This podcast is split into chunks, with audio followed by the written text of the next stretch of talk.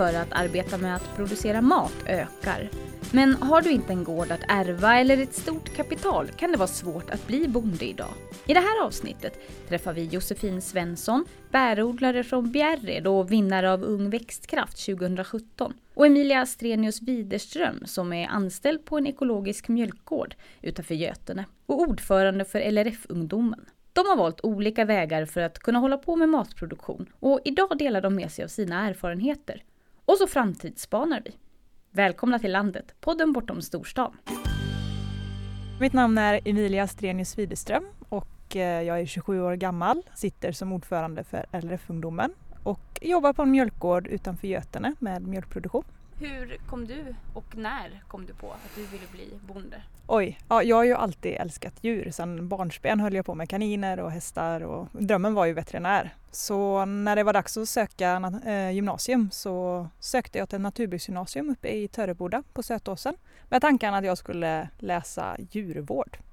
Men eh, efter ett halvår så upptäckte jag att jordbrukarlinjen var mycket roligare när vi var nere i laggården och fick den här obligatoriska eh, rundan helt enkelt och då bytte jag spår till de där fyrbenta kossorna. Mm. så ja, men på den vägen är det och efter skolan så fick jag direkt jobb som avbytare eh, uppe i Töreboda där jag fick min första krets av fem stycken mjölkbönder som jag åkte runt till. Eh, allt ifrån uppbundet till mjölkgrop och det var en som hade robot så att jag fick ju lära mig något otroligt olika produktionssätt just inom mjölkproduktionen. Och sen efter det så hamnade jag hemma på, i Götene eh, på den här mjölkgården. Som, tanken var att jag skulle bara mocka kalvkättar men jag fick erbjudande om en anställning och eh, bonden hade precis eh, investerat i en ny ladugård. Så jag var med och startade upp den här fastigheten då. Mm, det mm. låter som att din eh, väg mot det här har varit ganska spikrak. Ja, jag tror det handlar om den här passionen jag fick när jag eh, gick på gymnasiet när jag kom ner att det var ju det här jag ville hålla på med. Eh, mina föräldrar hade, har ju ingen aning om vad lantbruksdjur är överhuvudtaget så att eh, det där gen, genuina intresset har ju ändå fått någon form av stöttning för de har nog inte riktigt vetat vad det har handlat om. så men jag har liksom varit målmedveten hela vägen om att det, det är ju det här jag vill jobba med Eh, under olika former också. Det är ju många som har frågat ja, vad är dina planer då inför att bli företagare? Och samtidigt så känner jag ändå att jag inte har så bråttom med det för att jag gör ju det jag älskar just nu. Jag tror att man, eh, vad ska man säga, underskattar vilken påverkan vi faktiskt har som anställda på en svensk jordbruksföretag idag. För att Eh, Eh, så som jag upplever det så har jag ju en väldig eh, påverkanskraft på min arbetsplats. Det kan ju vara allt ifrån tusen bra idéer till tusen dåliga idéer som jag kommer med men samtidigt så ser ju min bonde potentialen i att jag faktiskt vill engagera mig i gården. För mig så får jag liksom utspel över att vara en egen företagare fast jag är anställd. Man får ju liksom uppleva nitar tillsammans med sin arbetsgivare också men man är ju inte personligt ansvarig för det. Så på den startsträckan, särskilt för sådana som är nya inom våra branscher, så är det ju otroligt lärorikt. Framförallt innan man breder ut sina egna vingar. Sen så tror jag ju även det här med att äga blir ju väldigt jag tror det är en väldigt svensk form på hur man kan bedriva sitt företag idag. Eh, jag tror ju att vi kommer behöva titta på andra former på hur vi ska bedriva våra företag på landsbygden mer eh, som de har utomlands, share farming, eh, mer kooperation. Man kan liksom arrendera mer i en större utsträckning tror jag för att liksom komma åt de här fina fastigheterna som faktiskt dyker upp nu. Så jag tror att vi behöver nog omvärdera vårt sätt på att vara företagare inom det gröna näringslivet. Det, mm. det tror jag ju absolut. Och att framförallt inte underskatta sina anställda för det har ju ett otroligt värde idag. Framförallt att ha en bra anställd som är engagerad i det, i det företaget du håller på med. Och det är jag ju väldigt stolt över att jag är en sån anställd. För att ja, jag får vara med och påverka väldigt mycket. Det är ju en helt eh, unik känsla att liksom få vara med och starta igång den här eh, äh, laggården och följa alla nitar, alla nitar men även alla framgångar man, man själv har jobbat ihop tillsammans med sitt team som man har där. Det, det är svårt att släppa så att äh, ja. I den här liksom vägen mot att kunna jobba med matproduktion mm. Äh, och djur som ändå var din dröm. Har, vilken form av pepp och stöd och hjälp har du fått på vägen? Ja, men det är väl framförallt många tycker det är spännande. Eh, jag har ju väldigt många människor runt omkring mig som inte är involverad i det gröna näringslivet och de är ju otroligt imponerade av att, hur det faktiskt går till. Sen så hoppas jag ju att eh, jag blir någon form av förebild för de som vill komma in i branschen också på att det, man behöver liksom inte ha någon speciell bakgrund, man behöver inte vara född bondunge för att kunna bli en bondunge. Så det har ju faktiskt varit väldigt mycket positivt omkring liksom på vilket yrkesval jag faktiskt har gjort. Även från mina föräldrar också. Det, de har ju varit med mig hela vägen i det här. Även fast de hade velat att jag hade blivit läkare eller advokat. Men det, det är liksom det som är kärnan i att, att folk runt omkring dig har peppat och trott på dig? Absolut, och det är fortfarande starkt. Och det här är ju liksom, de ser ju att det kommer alltid behövas framför allt. Och att det är bra att jag är involverad i det också. Har du mött några hinder på vägen? Absolut. Eh, jag har varit med om många som har sagt till mig att eh, jag har inte så mycket att säga till om för jag vet inte hur branschen går till. Att jag är inte född till det här och eh, framförallt den här emotsägelsen om att man, du kommer aldrig kunna bli företagare för du får antingen gifta dig till det eller ärva det. Uh, och någonstans... Du menar att du inte ja, har ett kapital precis, att starta jag har din inget, egen Precis, gård? jag har inget kapital till att starta min egen gård och det, det nästan sporrar mig lite mer till att liksom hitta de här nya vägarna på att det måste ju finnas något sätt mer än att äga sin gård och kunna vara delaktig i matproduktionen i Sverige. Finns det en sån bild? Är det starkt inom den här branschen att, att det inte är riktigt fint om man inte är född på gård? Är, är du inte en i gänget lika mycket då eller? Uh, nu har jag ju varit igång i nio år med det här och någonstans har det faktiskt hänt en attitydförändring. Uh, man märker att många fler idag är mycket mer positiva till att det kommer uh, de utan lantbruksbakgrund till gårdarna just för att det är många som har nya fräscha ögon och att de har liksom insett att vi behöver ha fler till den här näringen och framförallt till landsbygden. Det, det, ja, det är en attitydförändring. Och nu då? mm. Eh, när du ändå lever precis som du vill. Är det som du trodde? Det är bättre. det är så mycket bättre och det, det, är väl det som är så häftigt med en sån här levande, levande bransch för att det finns så himla mycket som vi kan göra och så himla mycket som forskningen kommer att behöva utav oss i framtiden. Att det känns ju verkligen som att man är den här superhjälten som liksom kommer med lösningen på världsproblemen för att det är här de finns. Och det är väl därför man går varje dag till jobbet och tänker att liksom wow vilken superhjälte jag faktiskt är tillsammans med mina arbetskamrater. Det, man gör skillnad.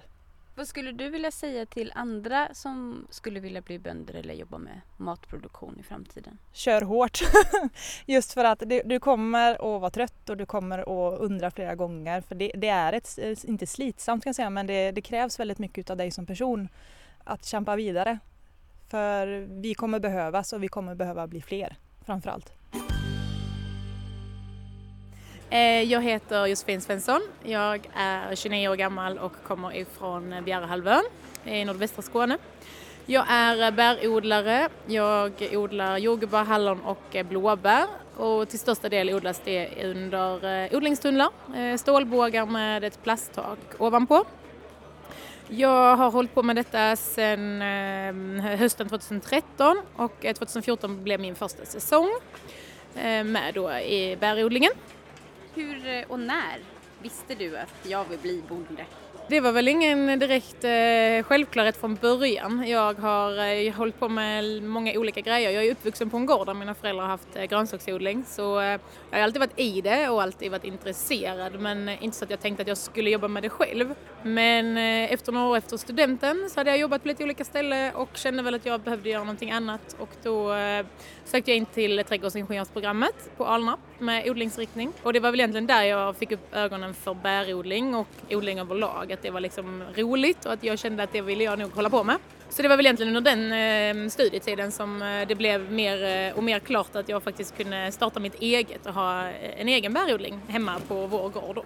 Hur har din väg sett ut då från att du började känna att ja, men jag vill nog bli bonde till att, att du är där du är idag då? Eh, ja, alltså man kan ju säga att eh, det blev väl att jag började studera och eh, under studietiden så kände jag liksom att hela branschen i sig var väldigt rolig. Sen att det var liksom att jag skulle vara egenföretagare och odla själv var väl inte liksom självklart.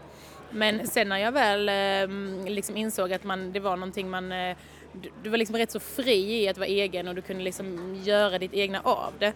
Men också att man kunde liksom vara på sin föräldragård och, och jobba tillsammans med sin familj och, och eh, kunna ha det samarbetet var ju också någonting som sporrade. Jag har haft mycket hjälp av min familj eh, som har stöttat mig liksom och tyckt att det var roligt att få ett annan, en annan gren in på gården också och inte bara grönsaker utan de har ju liksom också varit väldigt delaktiga så utan dem hade jag inte kunnat liksom klara det själv. Och sen så då när, liksom, när, när jag hade tagit examen så var det ju mer också att kanske att det fanns liksom inga direkta jobb att söka heller och då blev det nästan mer självklart också att nu måste jag göra någonting eget liksom, för att kunna liksom, göra det jag vill så jag inte går tillbaka och jobbar med någonting annat liksom, som jag hade kunnat göra ändå utan min utbildning då.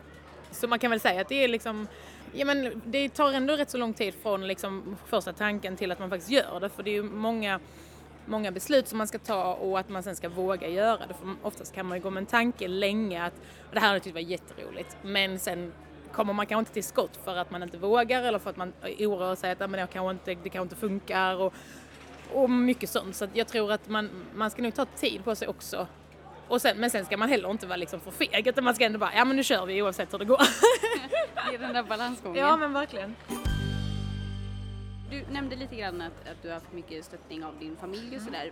Utöver det liksom, vad har du haft för eh, pepp och stöttning och, och råd och tips och vad har du hämtat sånt alltså överlag i, i själva bärbranschen tycker jag att de har varit väldigt eh, positiva till att det kommer in yngre och varit väldigt hjälpsamma och velat ge råd. Så hon jag köpte eh, som är återförsäljare för de här tunnlarna då, som är Heygrove-tunnlar hon har varit väldigt så här, liksom, att velat att hjälpa mig för att liksom, komma igång och, och liksom, ge tips och sånt. Och, och även ehm, alltså plantuppdrag, alltså plantåterförsäljare och, och alla som är i branschen är väldigt ehm, vill, villiga att hjälpa och väldigt positiva till att det kommer in nya. Och det tycker jag är jätteroligt för det, är kanske inte riktigt någonting jag har märkt i någon annan bransch på det viset utan där, jag, jag, tycker att det har varit väldigt positivt eh, och det har ju också gjort det roligt för mig att då känner man att ah, det här är jätteroligt. De tycker, alltså så att man får liksom eh, pepp från många olika håll liksom. Och sen är det ju många organisationer, alltså som liksom både som LRF och Hushållningssällskapet där man kan söka sig mycket hjälp både inom företagandet men också rådgivning och så. Att det finns ju mycket att ta hjälp bara man liksom letar upp det, tänker jag i alla fall. Har du mött några hinder på vägen?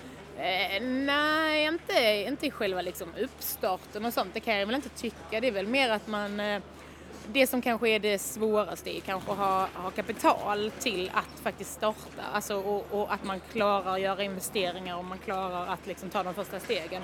Så det kan ju vara ett hinder i sig. Men där har jag ju återigen också hjälp av min familj som då har ett befintligt företag där man kan liksom hjälpa varandra och inte kanske behöver köpa in allting som man behöver utan man har vissa grejer att tillgodose. Liksom, så.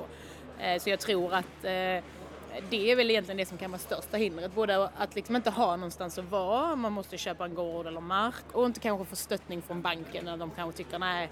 För det är klart att köpa tunnlar för um, många pengar så tycker kanske inte banken är sådär jätteroligt att låna ut till för att det är inte sådär jättesäkert. Kommer det en storm så är de kanske helt borta sen dagen efter. Så det är, liksom, det är lite så. Um, så det är väl kanske egentligen det största hindret i sådana fall.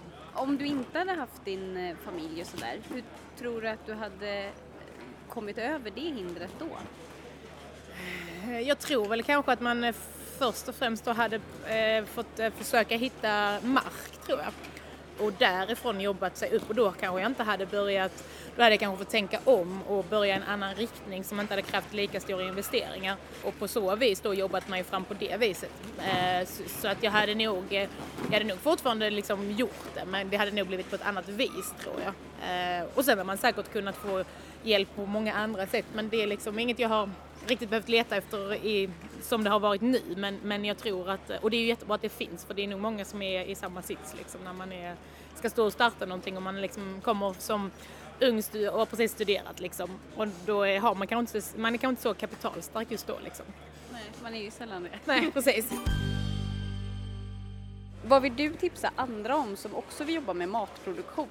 Jag tror att man ska, alltså man ska liksom vara, ha en rätt så tydlig Eh, plan på vad det är man vill göra, hur mycket man vill eh, liksom, hur mycket man vill satsa, hur, på vilket sätt man vill jobba med det. För I dagens läge kan man ju jobba på väldigt många olika vis. Man kan ju liksom vara deltidsbonde, man kan liksom ha en konsultrådgivning på sidan om så att man ska nog vara tydlig liksom vad man har för målsättning från början och sen liksom på något vis eh, följa upp det liksom så man känner att man är på rätt väg. Men sen också att man, man ska nog ta mycket hjälp tror jag. Alltså man ska inte vara rädd för att söka hjälp för att det, det ger väldigt mycket mer än vad man tror. Jag själv har nog varit rätt så dålig liksom på att, alltså man tänker att jag måste klara detta själv, jag måste det. Men liksom egentligen den här hjälpen man får är inte, alltså det, det hjälper så mycket mer än vad det är liksom att inte fråga liksom. Så att eh, jag tror att man ska, man ska ta, söka så mycket hjälp eller erfarenheter från andra som möjligt liksom. På ett bra sätt så att de tycker att de vill dela med sig också. Visa att man är intresserad eh, så att andra tycker att då vill man gärna hjälpa till liksom. För att annars kan det ju bli att det ska inte vara att man bara kommer och snyltar massa fakta och så liksom ger man, utan man ska göra det på ett bra sätt. Så då tror jag att det, det ger väldigt mycket. Jag tänkte att vi skulle avsluta med att trendspana på temat på vilket sätt skulle ni vilja se att man kan jobba inom matproduktion i framtiden? Eh, ja, jag tror att man måste mm, eh, hitta möjligheterna där, eh, där det kanske redan finns någorlunda förutsättningar. Man kan, ska inte vara så mm, beroende av att tänka på att så här har det varit förr och så här gjorde man förr. Utan man måste tänka i nya banor, man måste utnyttja vad som finns för att kunna liksom på något vis eh, komma framåt med någonting som, eh, som, inte, man, som inte kräver eh, x antal hektar mark. Utan man kanske kan hitta andra vägar att eh, odla på till exempel eller andra sätt att ja, men producera fram saker helt enkelt. Till exempel som jag har hört eh, om eh, odling i containrar till exempel. Att, att det kanske är någonting som man, liksom att man kan odla mycket på en liten yta i en liksom, isolerad miljö och på så vis få fram fina produkter Även om jag själv när jag säger det kan tycka att det låter väldigt konstigt och väldigt så här, nej det vet jag inte. Men jag tror att man måste tänka lite så i, i, i framtiden för att odlingsmark, eh, jordbruksmark kommer inte, den liksom, det finns inte hur mycket som helst och bygger man ut städer och byar så kommer det försvinna ännu mer. Producera mer på mindre yta egentligen? Ja, jag tror det. För det tänker jag bara som min egen verksamhet att där är det ju lite så att alltså, jag har ju inte så stor areal men jag kan ju liksom maximera utnyttjandet av den arealen för att liksom inte behöva så mycket utan kunna mer ha höga skördar på en liten yta och jag tror att det är också i framtiden att man man eh, tänker liksom kring hur man ska kunna få ut max från det man, den resursen man har istället för att tänka att allt ska vara så storskaligt. Liksom. Kan, man kanske kan producera lika mycket fast på hälften så mycket mark med modern teknik. Och med, alltså man får tänka det också att det kommer ju förhoppningsvis också komma att man att den, eh, tekniken i sig kommer att komma, att man, man får hjälp med det på något vis och, och komma framåt. Jag hoppas ju, alltså jag tycker det är lite spännande det här med andelsjordbruk. Eh, att eh, människor här och var kan liksom köpa sig en bit mark och, och veta att ja men bonden nu eh, odlar han morötter här och det är liksom min låda. Det, jag tror att det kommer att ett ökat värde på var maten är eh, producerad någonstans. Att man vill ha ett namn på den här morötten, man vill ha ett namn på den här köttbiten. Eh, konsumenten imorgon kommer vara mer medveten om var maten kommer ifrån. Uh, och framförallt att de kommer att värdera antibiotikafritt, de kommer värdera bra djurvälfärd och de kommer värdera liksom att ja, men det var nästgårds det här kom ifrån. Mer trendspaning, det är att vi kommer nog få anpassa oss väldigt mycket till olika former av kost, koster också.